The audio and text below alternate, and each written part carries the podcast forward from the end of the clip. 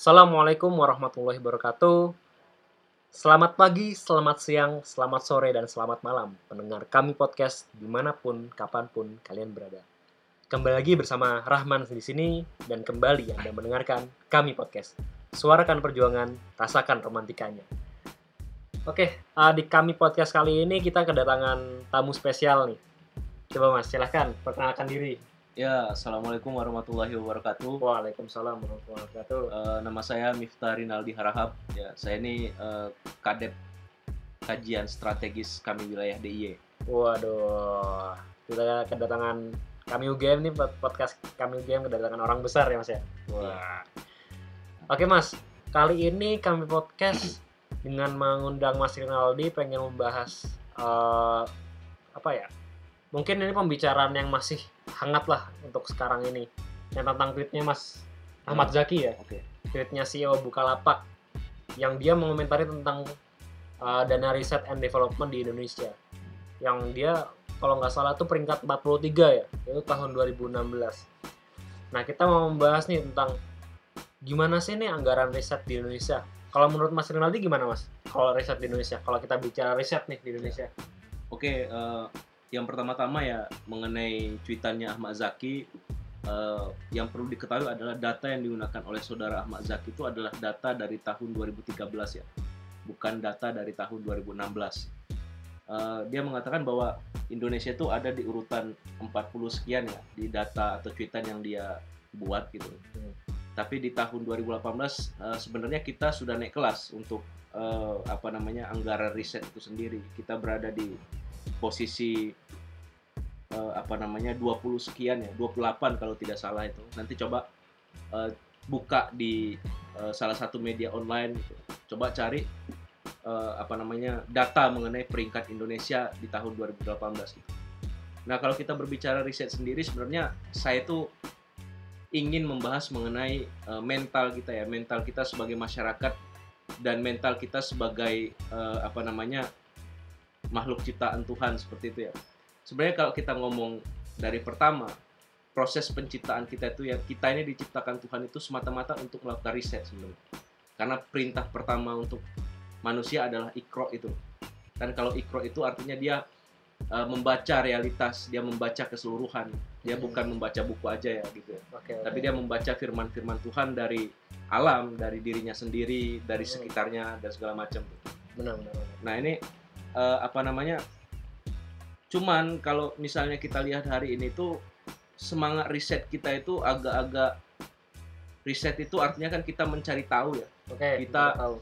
ingin apa namanya mencari apa sih yang sebenarnya apa namanya terjadi, apa sih kok seperti ini. Jadi kita butuh riset. Misalnya kayak ada satu data yang apa namanya buku gitu ya, buku baik nanti bisa dicari bukunya itu adalah Dead Dead Sea uh, Scroll ya itu tentang uh, apa namanya manuskrip manuskrip kuno itu Hmm. itu coba nanti dicari bukunya itu manuskrip manuskrip kuno yang uh, ter apa namanya yang didapat dari sekitaran laut mati itu ya. Oke, Ini- manuskrip kuno ya. ya manuskrip kuno jadi di buku Dead Sea, Dead Sea Scroll ini dia ini apa namanya kita tuh bisa mengambil pelajaran bahwa sejarah itu ad- adalah soal data gitu Hmm. Jadi, kalau misalnya kita ngomong lebih jauh lagi Hmm.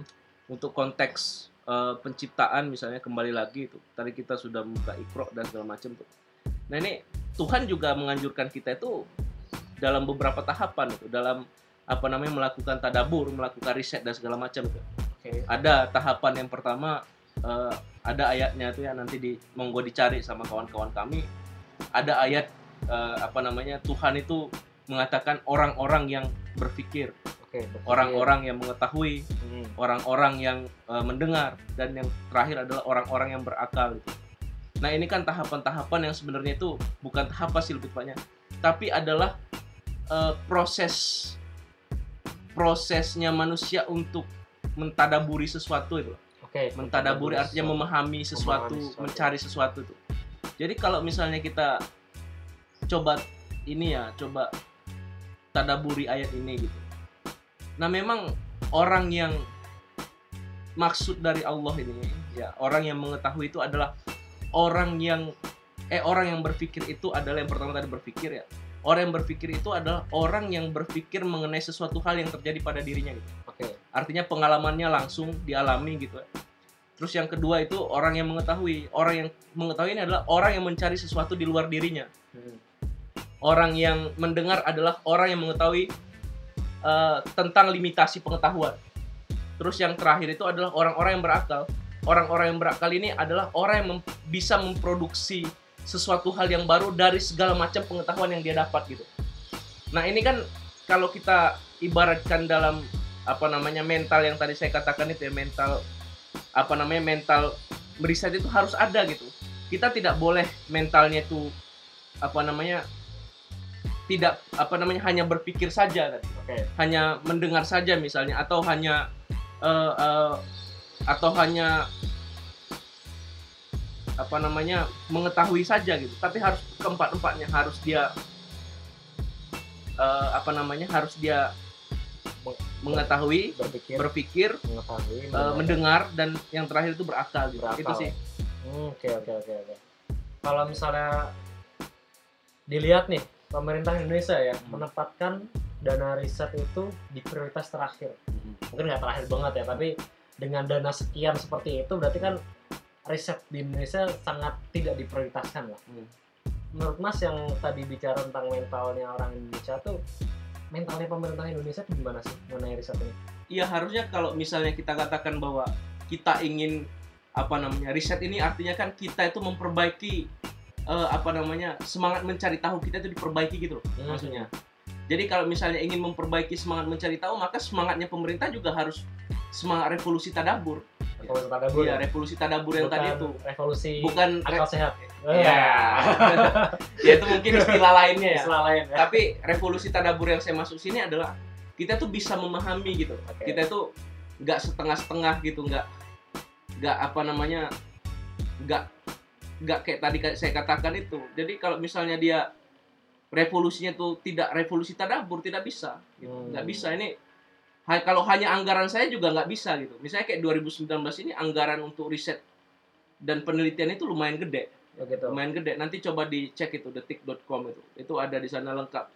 Jadi anggaran yang dimasukkan di dalam RAPBN itu rancangan APBN 2019 itu udah sangat besar gitu. Bahkan eh, dikatakan lebih besar dari tahun 2018 gitu. Tapi yang perlu diperbaiki itu bukan pada ya pendanaan ya. pendanaannya penting ya. Penting penting. penting itu pendanaannya tapi yang lebih penting adalah memperbaiki eh, apa namanya semangat mencari tahu tadi. Jadi membudayakan mencari tahu itu jadi nggak kayak sekarang itu kita ini kayak dibiarkan di alam bebas Mhm. ya mungkin eh, sekarang ini kan eranya sosial media, eranya informatika, orang bisa mencari apa pun yang diinginkan gitu. Mhm. Tapi tanpa ada dorongan dari pemerintah untuk memberikan eh, suntikan-suntikan baru, artinya kan kalau di Ini suntikan dana atau suntikan suntikan pengetahuan gitu, misalnya Pengetahuan, ya. simple aja, misalnya di acara-acara diskursus-diskursus pembicaraan kita di televisi itu? Oke. itu kan nggak ada yang pernah berbau mengenai bagaimana pengembangan apa namanya perkembangan ilmu pengetahuan gimana sekarang perkembangan ilmu matematika sudah sampai mana riset orang tentang biologi Iya, benar juga. iya ya. kan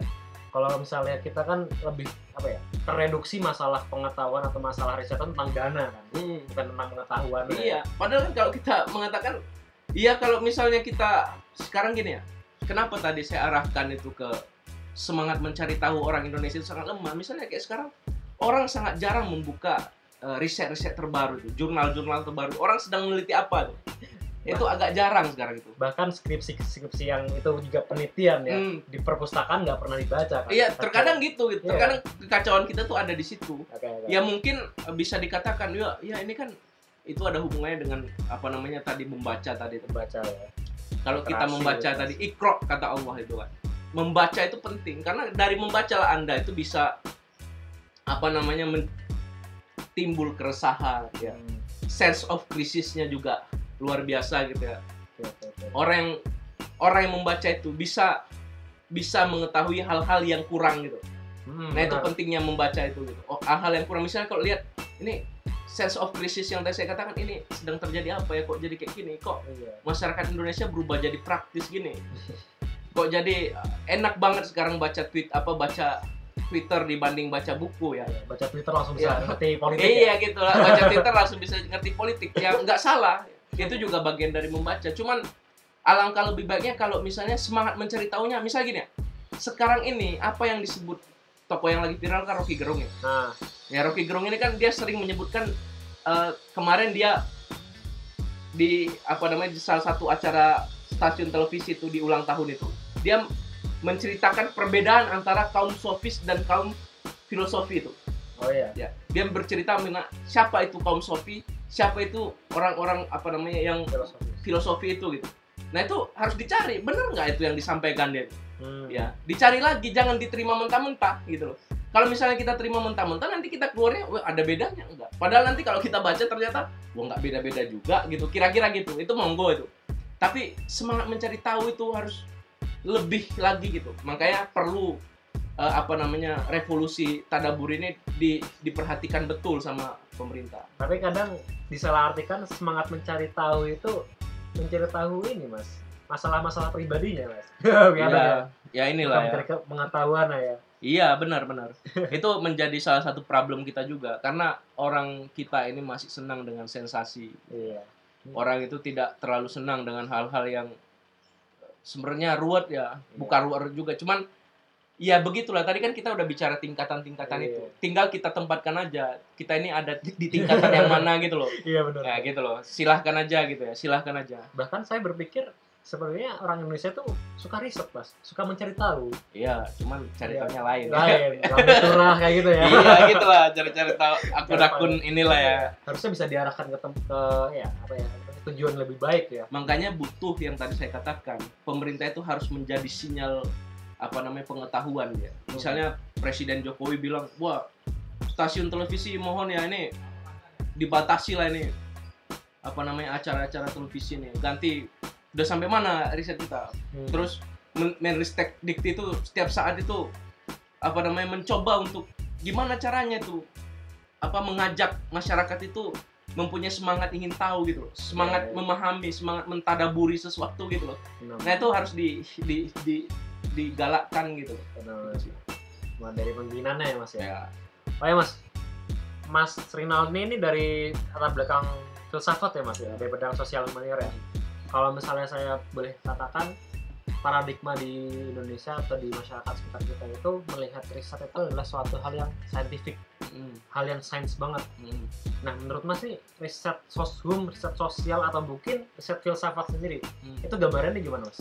ya kalau riset itu kan kembali lagi itu tergantung bagaimana metodologinya ya Hmm. kalau misalnya tadi dikatakan scientific itu lebih uh, wah ini ruwet dan segala macam ya itu mungkin karena metodologinya kan Metodologi. metodologi yang digunakan di scientific itu cenderung kuantitatif ya Hmm. cenderung ke angka cenderung ke statistika gitu ya cenderung ke uh, yang presisi dia nggak Hmm. bisa ya jarang berubah karena kalau misalnya anda itu A ya maka A lah gitu loh Hmm.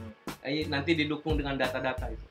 Nah kalau misalnya riset di uh, filsafat itu dia itu ada yang namanya itu uh, ciri-cirinya gitu ya. Ciri-cirinya seperti yang tadi objek pembahasannya itu dia macam-macam. Misalnya kalau kita bilang dan metodologinya cenderung kualitatif. Misalnya kalau kita bilang pembahasan mengenai apa namanya kosmologi gitu. Kosmologi itu objek bahasanya itu dalam semesta. Alam semesta ya. Jadi Kosmik makanya ya. di sana ada eh, apa namanya cirinya yang namanya kita itu bisa merefleksikan gitu. Hmm. Jadi kalau misalnya di filsafat itu lebih banyak merefleksikan sesuatu dia. Nggak bisa eh, apa namanya nggak bisa dikatakan bahwa wah ini filsafat ini. Ya mungkin ada yang angka.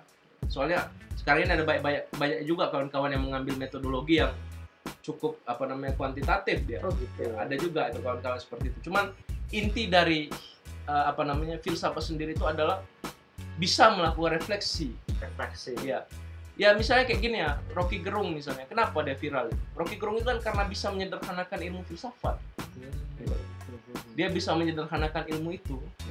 Jadi orang bisa paham kira-kira gitu. Dan memang harusnya seperti itu. Kalau tadi kita mengatakan semangat riset ya ya riset memang harus ada metodologi.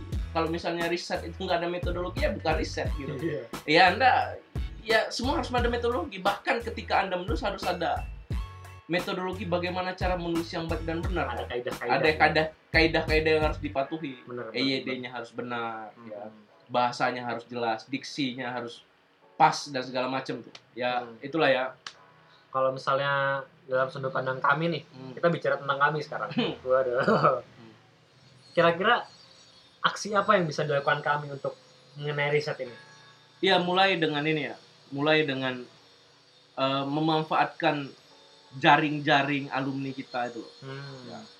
Terkadang itu kelemahan di kami itu adalah karena tidak ada keseriusan untuk meriset sesuatu. Benar Misalnya ketika kita melakukan aksi di jalan, ya, kita sedang menyuarakan satu isu, kita lebih banyak mengambil eh, apa namanya mengambil sumber-sumber dari media-media mainstream. hmm. Terus dilakukan kajian satu hari, terus kita jadikan rilis, kira-kira gitu ya. oh gitu ya Ah, Kira-kira gitu gitu. singkat itu singkatnya itu ya. Cuman kan kalau kita ngomong sekarang ini, umur kami ini udah udah semakin dewasa gitu. Kita ini 21 21 tahun ya kita ini. Berjalan 21. 21 21 tahun kita ini dan alumni kita sudah tersebar ke mana-mana. Dan menurut saya itu dimulai dengan silaturahim ke alumni-alumni. Jadi mengumpulkan data-data kelas 1 gitu. Kelas 1 itu artinya ring satu ring satunya lah gitu. Bagaimana sih data? Nah saya kira yang kurang di kami itu ada kayak gituan. Ya mungkin ada banyak faktor ya. Misalnya kayak eh, ya jarang berkomunikasi antara alumni dan eh, apa namanya kaminya sendiri gitu. Bukan bukan ini ya, bukan bukan berarti saya katakan tidak pernah dilakukan berkomunikasi ya.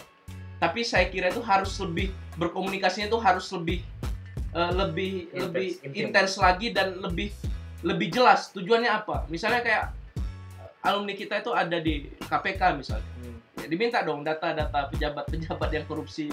Oh, gitu ya kan? Atau data-data apa gitu eh, yang di lembaga penelitian itu diminta. Di riset-riset dia di, di LIPI itu. Riset-riset terbaru gitu. Apa sih riset-riset terbaru? Kan bisa diakses. Ya beda kalau misalnya kita bilang wah kan ini bisa diakses dan segala macam ya tapi kan kalau misalnya ada seorang yang sudah bekerja di situ dia bisa lebih menjelaskan lebih. Oh, gitu. itu kan kayak media silaturahim ki- kita aja gitu Oke. nah Ber- jadi Berarti istilahnya yang perlu dilakukan kami itu bukan aksi eksternal yang istilahnya oh aksi di jalan atau demo-demo di jalan, tapi aksi internal berarti ya.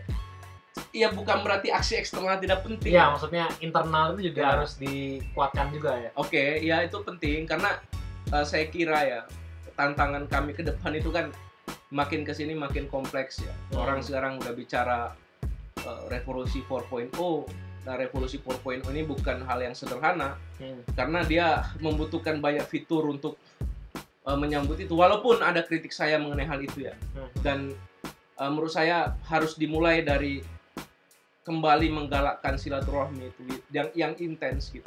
Jangan kita ini mematahkan silaturahim. Yang dilakukan kami atau kebanyakan dari kita adalah mematahkan silaturahim. Hmm, benar benar mas. Oke, terakhir nih mas. Hmm.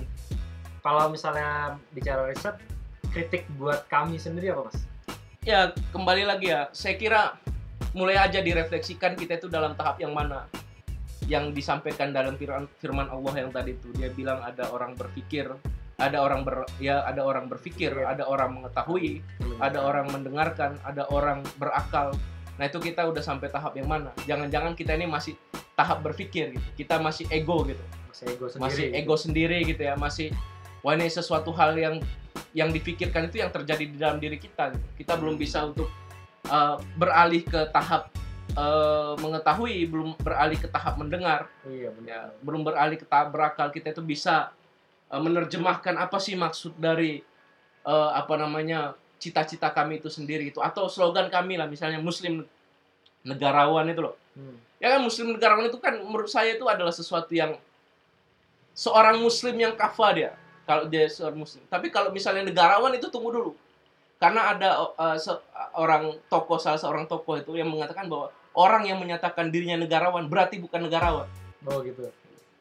yang itu harus dibuktikan lagi. Makanya saya bilang cita-cita kami itu mulia banget karena yang memberikan gelar seseorang dia negarawan atau bukan bukan apa namanya bukan dirinya sendiri tapi zaman yang memberi itu gitu. Waduh. nggak bisa kita mengatakan bahwa wah saya ini muslim negarawan. Iya tapi itu ada cita-cita beyond kita. Jangan kita pakai pakai jaket ke mana-mana muslim negara muslim negarawan. Tapi kita apa namanya nggak paham maksud negarawan itu ya seperti apa. Negarawan di sini bukan pengurus negara ya tapi negarawan di sini adalah orang yang rela menemani orang lain menemani pikiran orang lain di sektor apa pun Sebuah karakter. Iya, ya. sebuah karakter dia. Bukan bukan harus jadi pejabat negeri, harus jadi presiden, wah ente negarawan. Betul. Ya itu salah satu. Salah satunya. Ya. Tapi kan ada banyak negarawan. Orang ini kan bukan hanya satu sektor aja negara. Ada pahlawan gini ya misalnya itu kalau kita di perempatan peternakan itu peternakan UGM itu peternakan ya. tau nggak sih yang jalannya Oh iya. itu kan Ah. sering ada macet di situ kan ada sering tukang parkir di situ Oh iya benar benar. benar. ya itu sebenarnya menurut saya adalah salah satu cara karena gini itu kritik juga di mana itu polisi itu kok dia nggak ada di situ Eh, malah yang, stres malah yang malah yang stres bisa dikatakan itu partisipasi dari masyarakat iya tapi masyarakat itu kalau kita ngomong demokrasi dia kan raja. Harusnya anda itu yang udah dibayar dari pajak rakyat itu yang melakukan seperti itu gitu. tapi kerutan itulah yang saya katakan nanti kalau mau lebih jauh lagi eh, apa namanya mentadaburi tadi tingkatan itu nanti di pertemuan selanjutnya kita bahas Waduh, lagi ya Ada nah ini ada sesi sesi lanjutan ya lanjutan ya berarti ya. Gitu sih. Oke. Oke, terima kasih Mas. Oke. Silakan Mas, closing statement ada enggak? oke ini closing statement ya Hmm.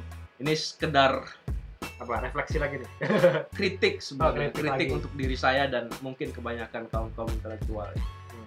berhentilah kaum intelektual itu merasa lebih pintar dari orang-orang tua orang-orang yang pekerja keras jangan anda seorang sarjana pertanian merasa lebih pen- merasa merasa lebih pintar daripada seorang petani hentikan kayak gitu ya Hmm. anda sarjana filsafat mer- merasa lebih mengetahui apa pun dibanding orang lain hentikanlah kayak gitu. Karena gini karena kalau misalnya anda seorang intelektual itu tugas pertama anda adalah membijaksanai sesuatu gitu.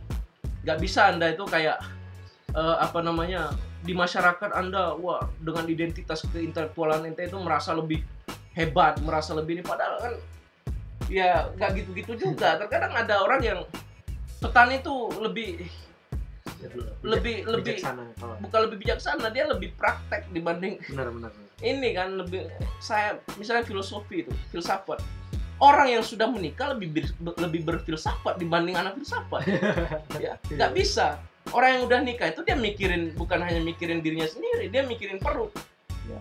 dia mikirin perut anaknya dapurnya harus ngebul dan segala macam dan itu butuh filsafat filsafat itu artinya kan kita membijaksanai sesuatu kalau misalnya hari ini hanya bisa makan terong dan eh, telur misalnya kalau misalnya kita nggak pakai sudut pandang bijaksana kita akan membeli ayam membeli ayam. Sementara budget kita ini kurang. Kan gitu-gitu pikiran orang menikah. Hmm. makanya aneh eh, saya katakan bahwa kaum intelektual itu telah masuk pada fase yang cukup fatal di hari-hari ini gitu. Dan saya kira ini ke depan ini kalau misalnya kaum intelektual ini mau maju hentikan itu kesombongan kesombongan kayak gitu. Karena kesombongan itu yang membuat kita hancur Nabi Musa itu kan sombong dia sama Tuhan itu dia mau ketemu Tuhan gitu loh akhirnya dia disuruh ketemu Hidir yang nggak bisa dinalar pakai uh, akal pikiran gitu loh manusia. itu sih uh, Oke, podcast kita hari ini oke, terima kasih Mas Rinaldi udah membersamai aku untuk me- apa ya? Untuk membahas tentang riset di Indonesia ya.